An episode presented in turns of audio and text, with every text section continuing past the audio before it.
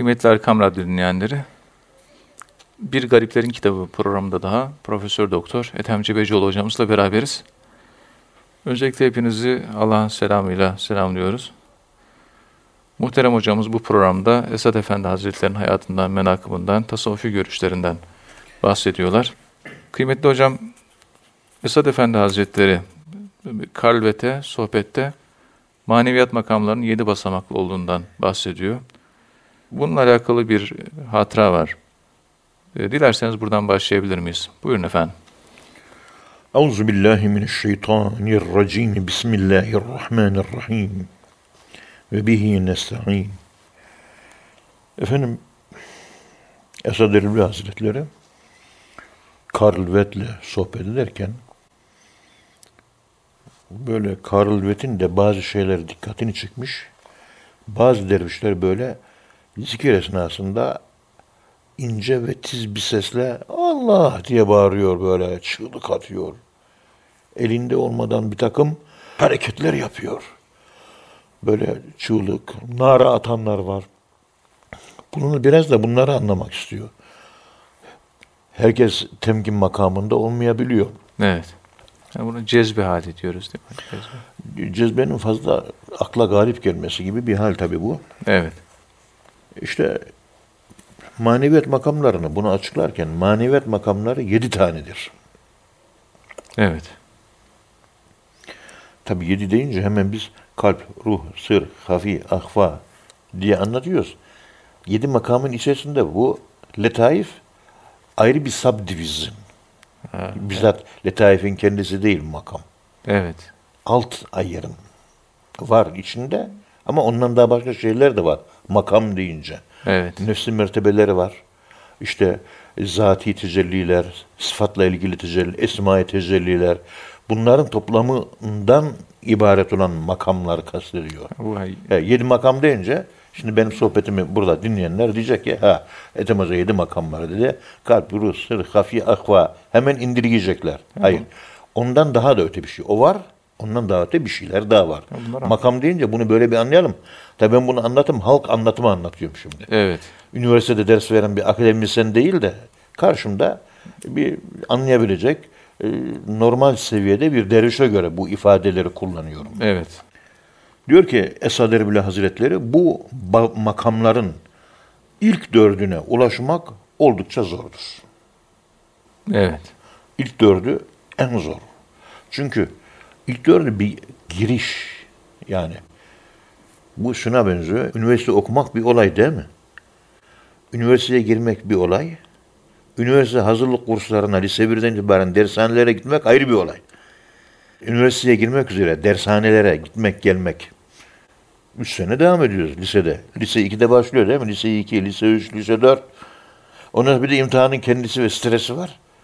Sürekli. İşte ilk dört basamak bunun gibi. Girdikten sonra üniversite okumak kolay, korkmayın. E, hiç zor değil. Gayet kolay. Evet. Girmek, üniversiteye girmek, şu manevi eğitime girmek, maneviyatın iç alemine dalmak, giriş, yani öbür dünyaya doğuş, doğuşun sancıları olur. Evet. Zordur yani. Mücadele kolay, istiyor yani. Tabii. Kolay bir kadın bir çocuğunu doğururken çekmiş olduğu sancının daha fazlası. Bir derviş maneviyata doğarken yaşar. Çok sıkıntı çeker. Çok ızdıraplar çeker. Çok şeytanlar saldırır. Evet. Cinler saldırır. Bilmem ne saldırır. Her şey olur. Bu makamların ilk dördüne ulaşmak oldukça zordur. Zira bu ilk dört mertebede Erbil Hazretleri anlatıyor. Zira bu ilk dört mertebede şeytan, iblis, şeytan ve iblis müride ders, zikir çekerken nüfuz ederek onu manevi yoldan alıkoymaya çalışır. Evet. Zikir esnasında ve dururken kafana gelen negatif düşüncelerin kendisi şeytandır. Evet. Hani anlatmaya çalıştık, anlayamamıştık ya. Bu o mesele işte. Zikir çekerken kafaya bir sürü şey geliyor. O gelenler şeytan. Başlangıç Namaz kılarken Allah değil, başka bir şey aklımıza geliyor. Şeytan o, düşüncenin kendisi. Onun için ona bir euzubillahimineşşeytanirracim diye böyle bir şeyler fırlatmak lazım kovmak üzere. Evet. Düşüncenin kendisi şeytan. Mevlana anlatıyor ya. İç alemimizdeki kötü düşünceler şeytan. Pozitif düşüncelerde Allah. İçimizde Allah ve şeytan. iyi ve kötü düşünce hep savaşıyor. Sürekli savaş halinde. Ona göre kötüyü bilirsen Tabii. yenmen kolay olur. Ama düşüncenin şeytan olduğunu biz insanlara anlatamadık. Kötü düşüncenin şeytan olduğunu. Kötü şey düşünüyor, düşünmeye devam ediyor, düşünmeye devam ediyor, düşünmeye devam ediyor. Şeytan tuzağı işte bu. La bırak, ya düşündüğün şeriata aykırı. Sana bir şey veriyor. Yani anksiyete, endişe, tedirginlik, böyle karanlıklara götürüyor düşünce. Şeytan işte o.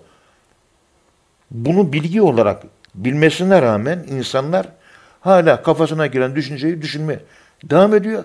Ya bu düşüncenin kendi şeytandı. Euzubillahimineşşeytanirracim bunun için icat olunmuş. Çeksene Euzubillahimineşşeytanirracim'i. O düşünmenin kendisinin şeytan olduğunu entelektüellere de anlatmıyoruz. Namazda her şeyi düşünüyor. Allah'tan başka neyi düşünüyorsan onlar namazda sana bulaşmış şeytanlardır. Şeytanla beraber namazını kılmaya devam et. Selamun aleyküm. Nerede kaldı? Kad eflehal mu'minun ellezine hum fi salatihim haşi'un. Namazı kılarken kendini kaybet. Kaybedersen felaha erersin. Etmezsen felaha ermezsin. Yani bu Esad-ül Vasilerin şeytan ve iblis müride zikir çekerken, zikir değil namaz kılarken de, Yani namaz da zikir zaten, Evet. nüfuz eder ve onu manevi yoldan alıkoymaya çalışır. Allah'ı düşünürken, onun büyüklüğünü az düşünürken araya peynir zeytin giriyor. Çoluk çocuk giriyor. Yarın ödeyeceğin vergi borcu, arabanın sigortası geliyor aklına. Şeytan onlar işte. evet. Sürekli dünyalık geliyor yani. Hepsi, hepsi şeytan onlar. Kendisi, şeytanın kendisi. Şeytan çıkıp da karşıdan selamünaleyküm ben şeytanım kardeşim de öyle gelmiyor şeytan. Onun için kendi iç alemine girip kendini bilebilen insanlar şeytanı yenebiliyor. Tasavvuf terbiyesine Bu yüzden ihtiyaç var. bundan dolayı ihtiyaç var. Kendini bilmek. Ve çok zor. Evet. Men arafe nefse. İşte kendi nefsini, şeytanını, negatif yönlerini, la ilahiyi bilmek. Ondan sonra fakat arafe rabbehu illallah. Ondan sonra Allah bilinecek. İçindeki kötü düşünceleri nefyetmedikten sonra Allah illa ile ortaya ispat olunamaz. La ilahe olmadan illallah olmuyor. La ilahe bu düşünceler işte. Evet. düşüncelerin regülasyonu, düzenlenmesi, tasavvuf iç alemine yönelen insanlarda bu yeteneğe, murakabe, kafasından geçen düşünceleri kontrol altına alabilme. Ha bu şu anda ben Allah'ı düşünmem lazım. Yarın sabah yiyeceğim peynir düşünüyorum. Ben bunu kafamdan atıyorum. Tak. Euzubillahimineşşeytan attım. Yine Allah'ı düşünmeye başladım. Düşünceler, aklıma gelen düşünceler beni Allah'a mı yaklaştırıyor, beni Allah'tan mı uzaklaştırıyor? Uzaklaştırıyorsa şeytandır. Evet. O düşünceyi kovacağız. Düşünce bizde yani şeytan, içimizde, dışarıda değil. Senin düşüncen. Ama bunun farkındalığı zikir çekerseniz Allah zikri insanı dikkat edin.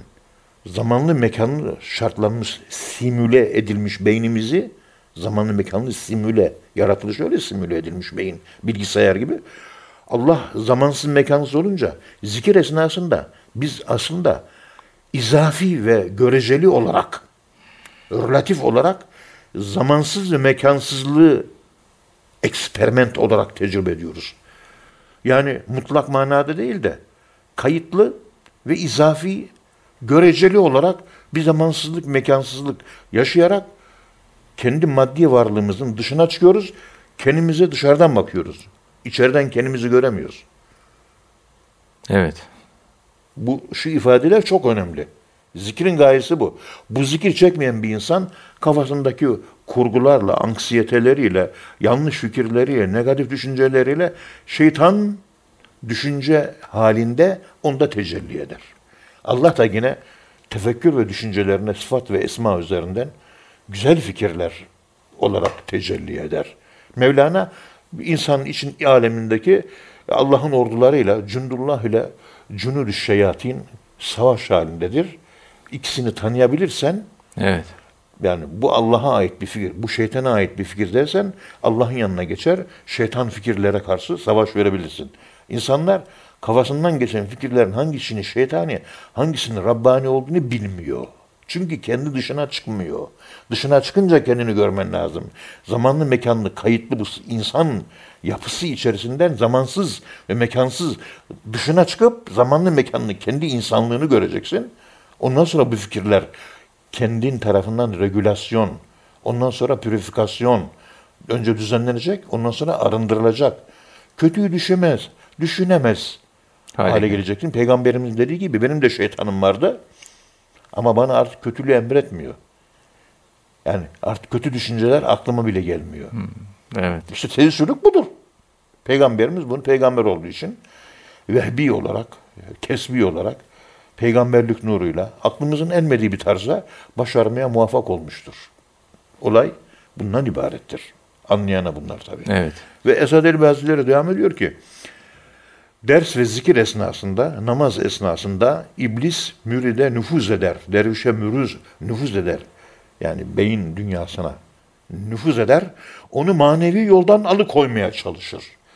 Maneviyat yolunda müride rehberlik eden, müridi kontrol edip koruyacak kemalat sahibi olgun bir şeyh efendi yoksa ders almanın faydası. Yani kendi başına yapıyorsa belki bu, bu tür tehlikeler daha fazla olabilir. Tabii bir şeye bağlanmak lazım. Manen kendisini koruyacak olgun bir şeyhi yoksa işte o zaman müridin manevi tekamülü yanlış yöne gidebilir. Onun için bağlanacağın zaman sağlam bir şeye bağlanman lazım. Evet. Zayıf bir şeye bağlanırsan onun maneviyatı seni şeytanın bu tür saldırılarından koruyamaz. Bir kendi gayretin var korumak, korunmak konusunda. Bir de bağlı olduğun şeyhin manevi makamından kaynaklanan o bir nur var. Onun koruması var. Tasarruf mu diyoruz hocam? buna? Tasarruf gücü tabii. Tasarruf. Çünkü e, o nur, o e, şeyhinin ruhu ve ruhaniyeti zaman mekan üstü. Kaç dervişi var? 2 milyon. Hepsini birden güneşin doğup da bütün arzda gözüktüğü gibi bütün müritlerinde tecelli eder gözükür. Onun için seçilecek şeyhin mutlaka sağlam olması lazım. Evet. Manevi koruma kalkanı altına girip bu şeytani fikirler, düşünceler, şeytandan, iblisten korunmak, Allah'a giden yolda şeytan le akudenne siratakel müstakim. Doğru yola gidecekleri gidecekleri doğru yolda senin kullarının önüne oturacağım, onları saptıracağım diyor şeytan. Evet. Biz Allah'a gidiyoruz, o bizi saptırmaya çalışıyor. Yolumuzu uzatıyor. Uçurumlara götürüyor. Yanlış yerlere götürüyor. Kayboluyoruz. Dallin oluyoruz. Dalle, kayıp, yitik oluyoruz. Fevecedeke dallen feheda meselesi. Evet. Bu mücadele iş dünyada hep devam ediyor yani hocam. Ve Esad Elbi Hazretleri devamla diyor ki bu sıralar bu kelami dergahımıza ziyaret için gelen Doğu bölgesinden gelmiş halifelerimiz var. Seyri sülükte çok büyük mesafeler kat etmiş bir insandır. Fakat bu halifemiz buna rağmen müritlerini kontrol edip onları koruyacak kadar güce sahip değildir. Tam kemalata ermemiş tam olarak kontrolü sağlayamıyor. İşte bu halifemizin müritlerinden ufak tefek aksakallı o zat dün akşam zikir çekilirken Evet. zikir töreninde kendini kontrol edemedi. Naralar attı, çığlıklar attı, Allah diye feryatlar. Onu gördünüz dün akşam. O onu idare eden başındaki görevlendirilmiş halifenin kemalata ulaşamadığını gösterir diyor Esad Erbil Hazretleri. Tam manasıyla kemalata Tabii. ulaşamadığını. Halife şeyhi yansıtır direkt. Evet. Yani bir röle istasyonu gibidir. Alır verir. Alma verme açısından biraz eksiklik olduğunu anlıyoruz. Emri altındaki, yönetimi altındaki dervişlerin bu tür böyle hoplayıp, zıplayıp cezbe hareketleri yapmalarından anlıyoruz. Başındaki görevlendirilmiş halifenin kemale sahip olup olmadığını demek istiyor. Evet. O zamanlar böyleymiş. Şimdi durum nasıl? bilemiyorum yani. Ki Halifeler de bir yetkin şahsiyetler. Elhamdülillah. o- o zaman. Yani yolumuzun bütün görevlileri Allah razı olsun hepsi nefsi kamile ermiş çok değerli insanlar. Yolumuzun kıymetini bilelim be Vahit. Evet. Allah'a giden yol, Allah'a giden metot, bunun öğreticileri ne güzel insanlar. Zikir esnasında çığlıklar atmasından anlaşıldığı gibi henüz ruhen o yükseldiği alem neyse maneviyat alemi oraya ruhu daha hazır değil. Hazır olmadığı bir aleme girdiği için onu hazmedemediği için çığlıklar açıyor. O makamların ağırlığını kaldıramadığı için bu gibi çığlık, feryat, sıçrama gibi haller tezahür ediyor, kendinden geçiyor. Bu durum onunla ilgilenen halifenin kamil olmadığını gösterir.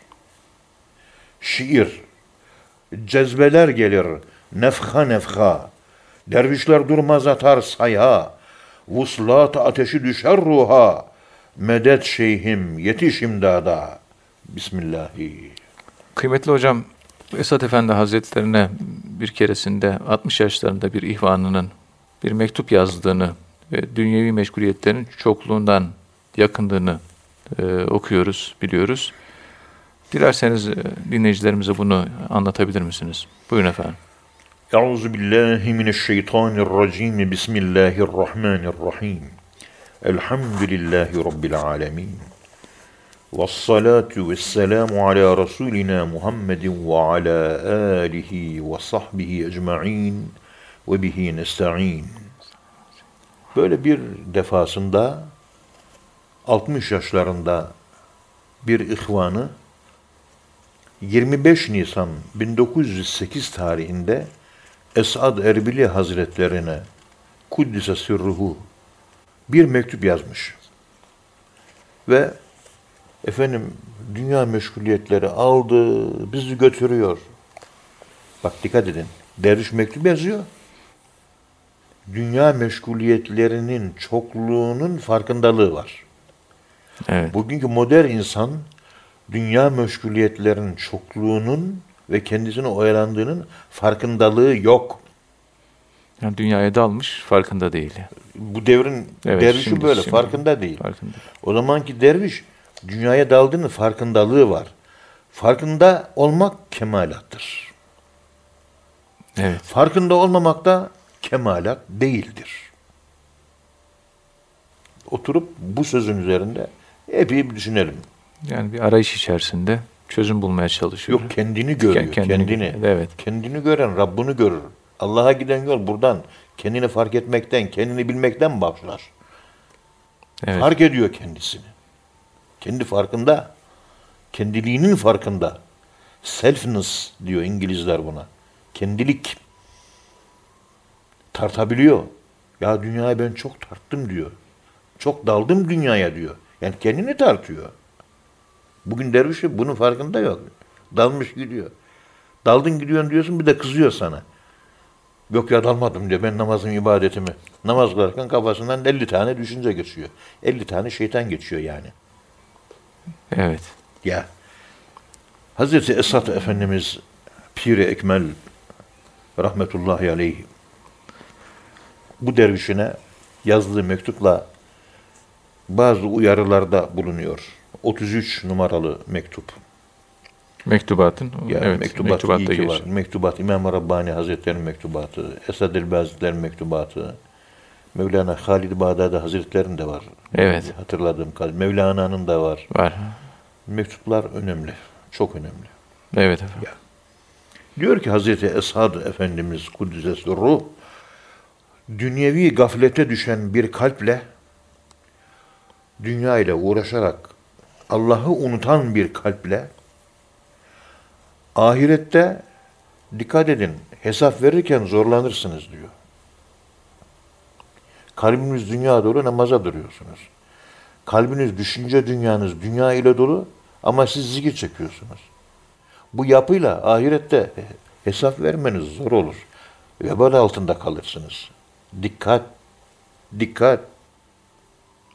Yani kalp dünya- dünyaya dalmayacak yani. Allah Celle Celaluhu böyle olmaktan bütün Müslümanları ümmeti Muhammed'i muhafaza buyursun diyor. Amin. Ricalul la tulhihim ticaretun ve la bey'un an zikrillah ayet-i kerimesinin tam tersi.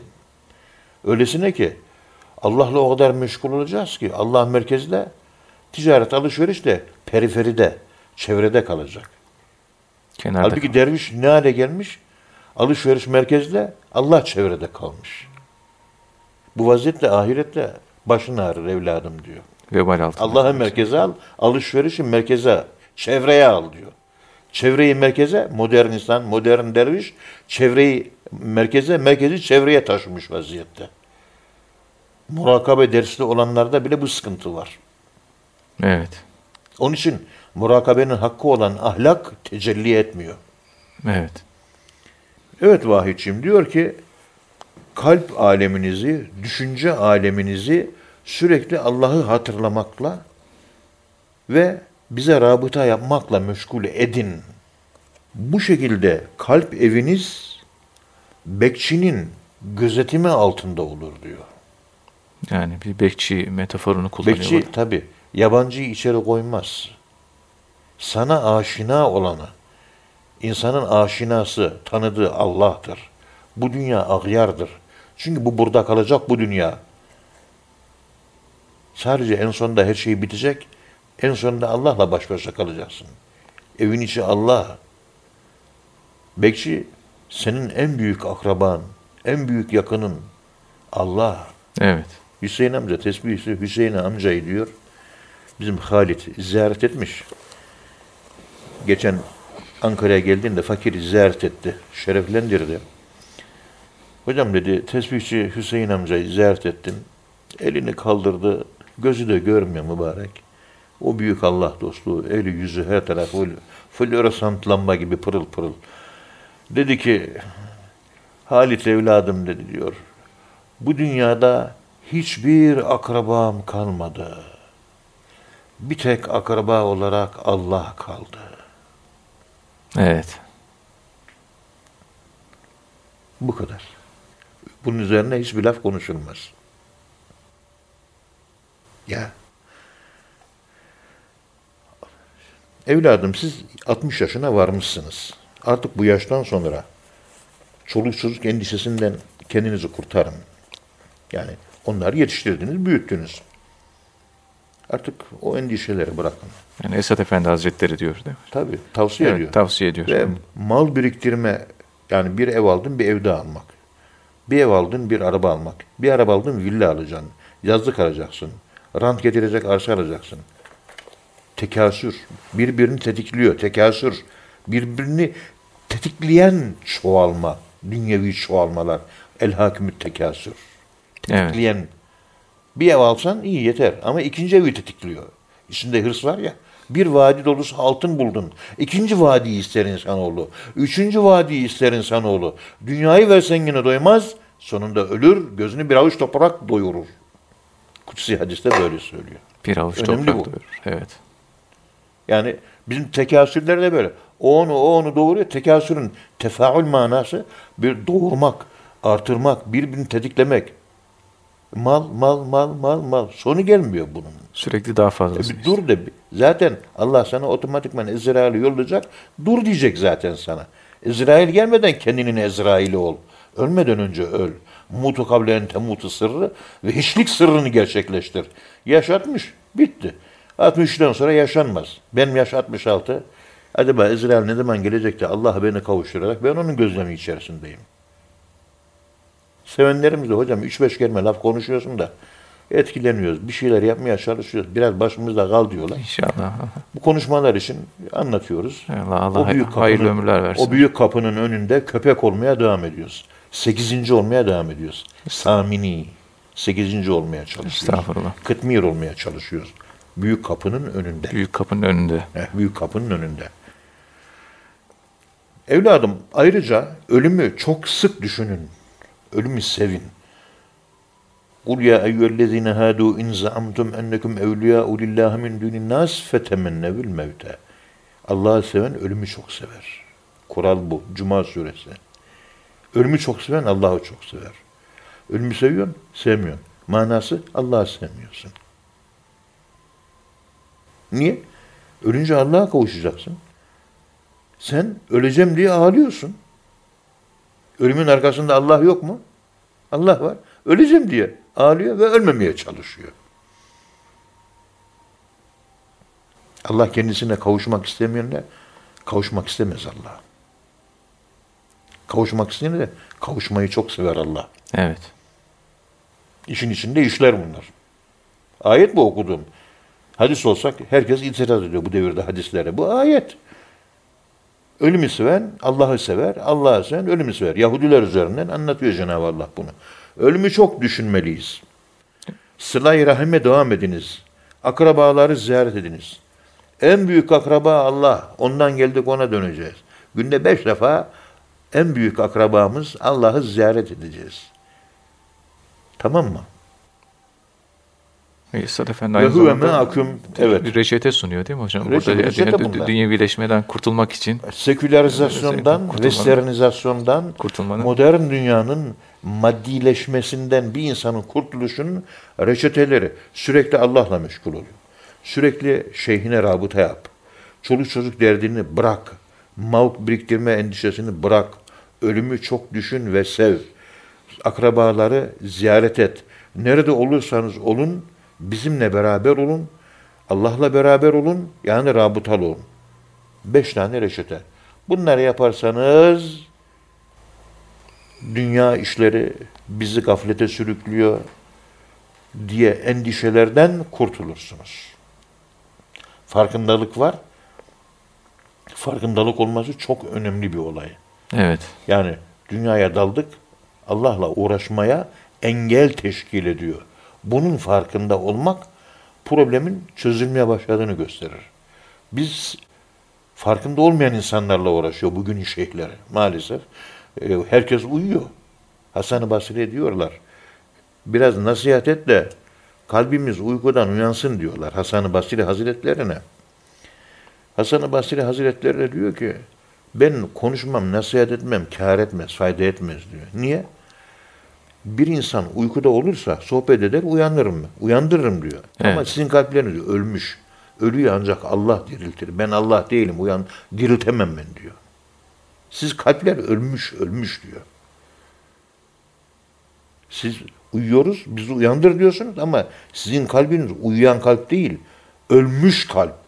Ölü diriltmek bana değil, Allah'a yakışır. Ben yapamam onu diyor. Uyusaydınız uyandırırdım ama diyor. Dürterdim, iğneye batırır kaldırırdım sizi diyor. Siz ölüsünüz diyor. Evet. Men fil kubur var ya, inneke la tusmi'ul mevta. Sen ölüye Duyuramaz. laf, söz duyuramazsın ey Muhammed diyor ya. Bugün zavallı şeyhler ölülere sesleniyor. Konuşuyor konuşuyor, bin tane bir tane zor adam çıkıyor. Uyuyan yok, herkes ölmüş. Ölü. Kalpler ölmüş ya. İşte para, bilmem ne. Kadınları dedikodu öldürdü. Şarktan garba, kuzeyden güneye kadınlar burul burul burul dedikodu. Kalp uyumuyor, ölüyor, ölüyor. Onun için dervişlikte en geri kalanlar kadınlar bu yüzden. Dedikodu. Bir çeneyi tutmayı öğrenemedi bunlar. Her zaman da konuşuyorum. Dedikodu yapmak demek e, Hucurat suresinin 14 numaralı ayeti kerimesine göre meyten fekerihtumu öldürmek anlamına geliyor. Dedikodu yapmak Kur'an-ı Kerim'e göre, Allah'a göre o insanı öldürmek ayrıca etini yemek anlamına geliyor. Allah Anlayana bunlar. Şimdi burada sohbeti biz anlattık. Radyoda da dinliyor benim bu konuşmamı. Ama havaya dinliyor. Hemen 10 dakika sonra yine bıdı bıdı yine başlıyor. La bir kes şu sesini ya. Hayatımda iki tane kadın evliya gördüm ben. İkisi de susuyordu. Konuşmuyordu. Evet. Sesini kısmıştı. Demek ki kadınların evliya olması çenesini tutması anlamına geliyor.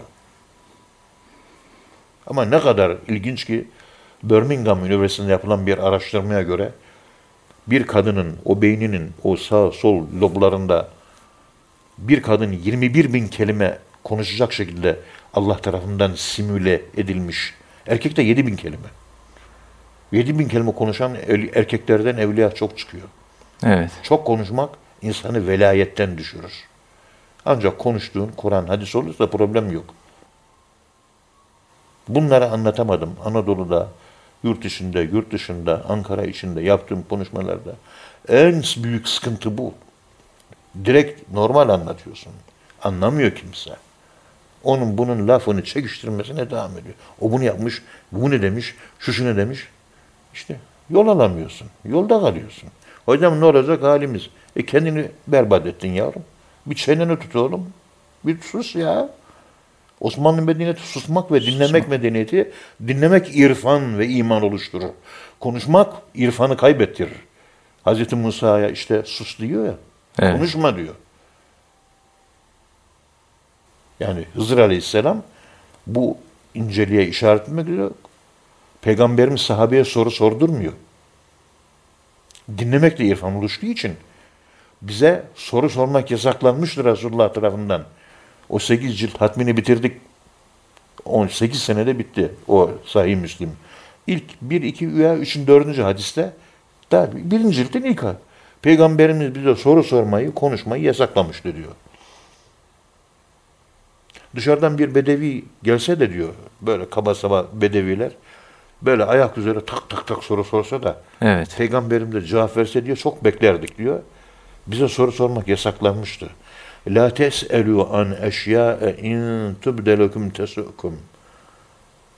Soru sorarsanız sizi kötüye götürür diyor ayet Kur'an'da. Soruyu kesin. Sorunun kesildiği yerde teslimiyet vardır. Sorun olduğu yerde, soru sorman olduğu yerde teslimiyet yoktur, İslam yoktur. Evet. Ben soruları bitirdim. Yani teslimiyetim, İslam'ım tamam demektir. Teslimiyet ve İslam tamam değilse soracağın kadarıyla sor. Ancak ilim meclislerinde yapılan derslerde yapılan ders hakkında soru sorulabilir. Yapılan derslerde yapılan ders hakkında sorulabilir. Evet. O, o da miftahtır, anahtardır. O, o da il, ilmin anahtarı oluyor evet. tabii. Onunla bununla ayırt, ayırt etmek Far, lazım. Farklı. Evet. Bunlar önemli şeyler. Evet. Yine ayet-i kerimede bir kavim vardı. Peygamberlerine çok soru sordular. Fe asbahu kafirin. Sabaha kafir çıktılar. Biz sükut medeniyeti. Susmak demek Allah'la konuşmak. Allah'la konuşma medeniyeti inşa etmiş Osmanlı. Halil İnalcı, Amerikalılar, Osmanlı ve Selçuklu bin senelik dünyanın en uzun devletini Oğuz aşireti kurdu. Bu bin senelik Selçuklu Osmanlı niye bin sene ayakta kaldı?